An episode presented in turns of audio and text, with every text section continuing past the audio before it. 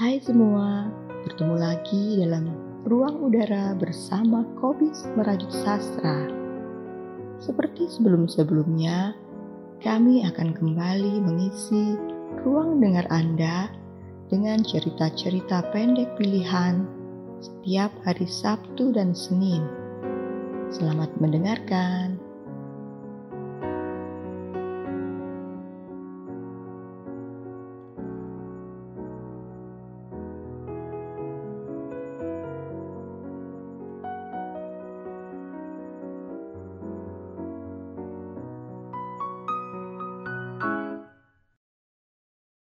Kuburan kopi.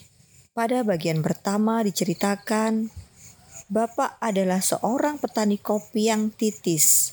Setiap keputusannya pasti sudah dipikir masak-masak, termasuk saat hendak berhutang pada Pak Slamet, saat menyuruhku tetap kuliah ketika panen kopi terus memburuk, atau bahkan saat memintaku kembali kuliah setelah ibu meninggal. Bagaimana kisahku dan Bapak selanjutnya? Kita ikuti cerita selanjutnya.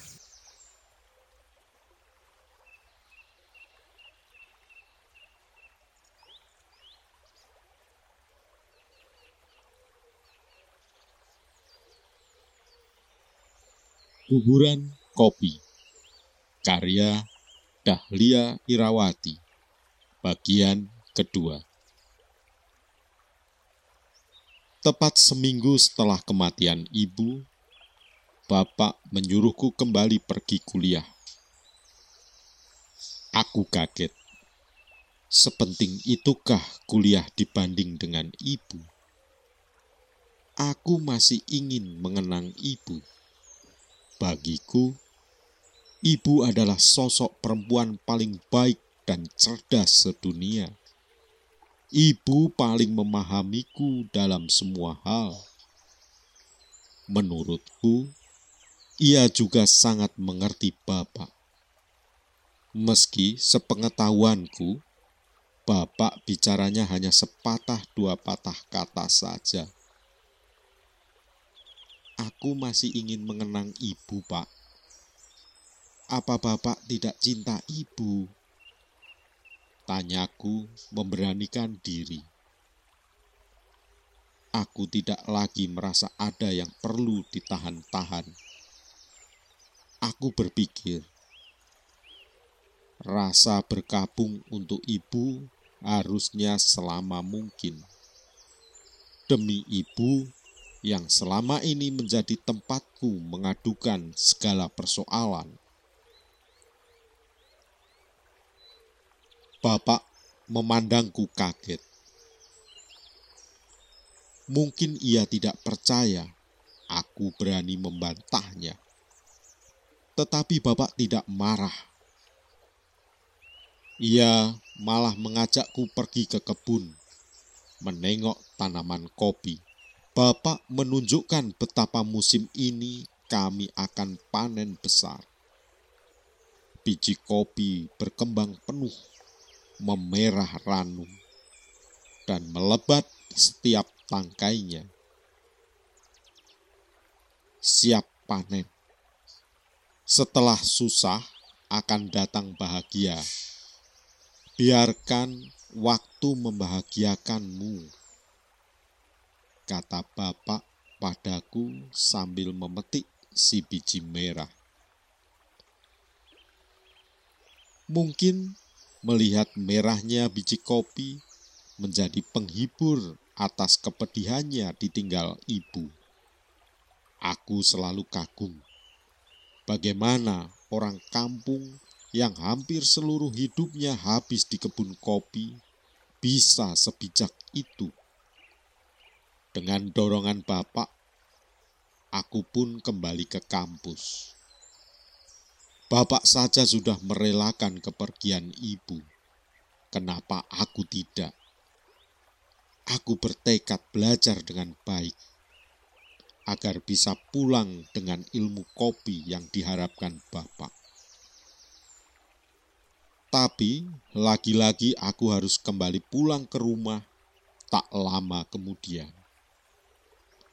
Bapak menelpon mengabarkan bahwa harga kopi jatuh. Panen raya membuat kopi tak ada harganya. Di pasar, harga kopi hanya setengah dari normal. Harapan untuk membayar hutang pada Pak Selamet pupus sudah. Itu sebabnya Bapak mengajakku mencoba peruntungan meminjam uang ke bank. Hutang akan dipakai untuk membayar hutang ke Pak Selamet dan untuk keperluan merawat kopi. Maafkan kami, Pak.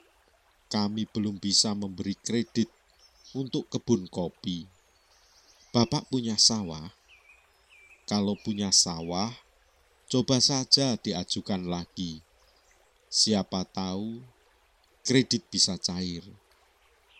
Kata petugas bank saat kami menceritakan niat kami datang ke sana. Ia menjelaskan bahwa usai krisis keuangan, bank harus lebih selektif memberi kredit.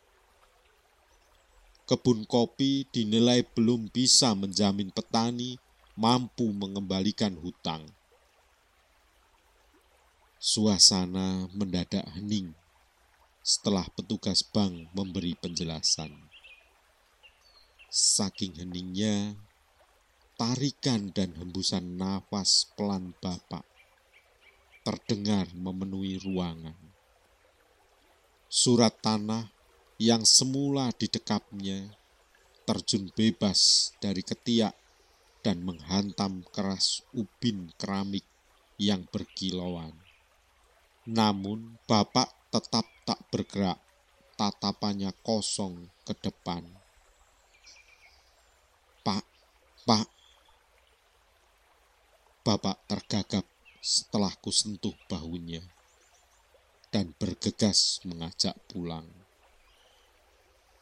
Setelah bertubi-tubi kena masalah, aku tahu Bapak kembali terluka.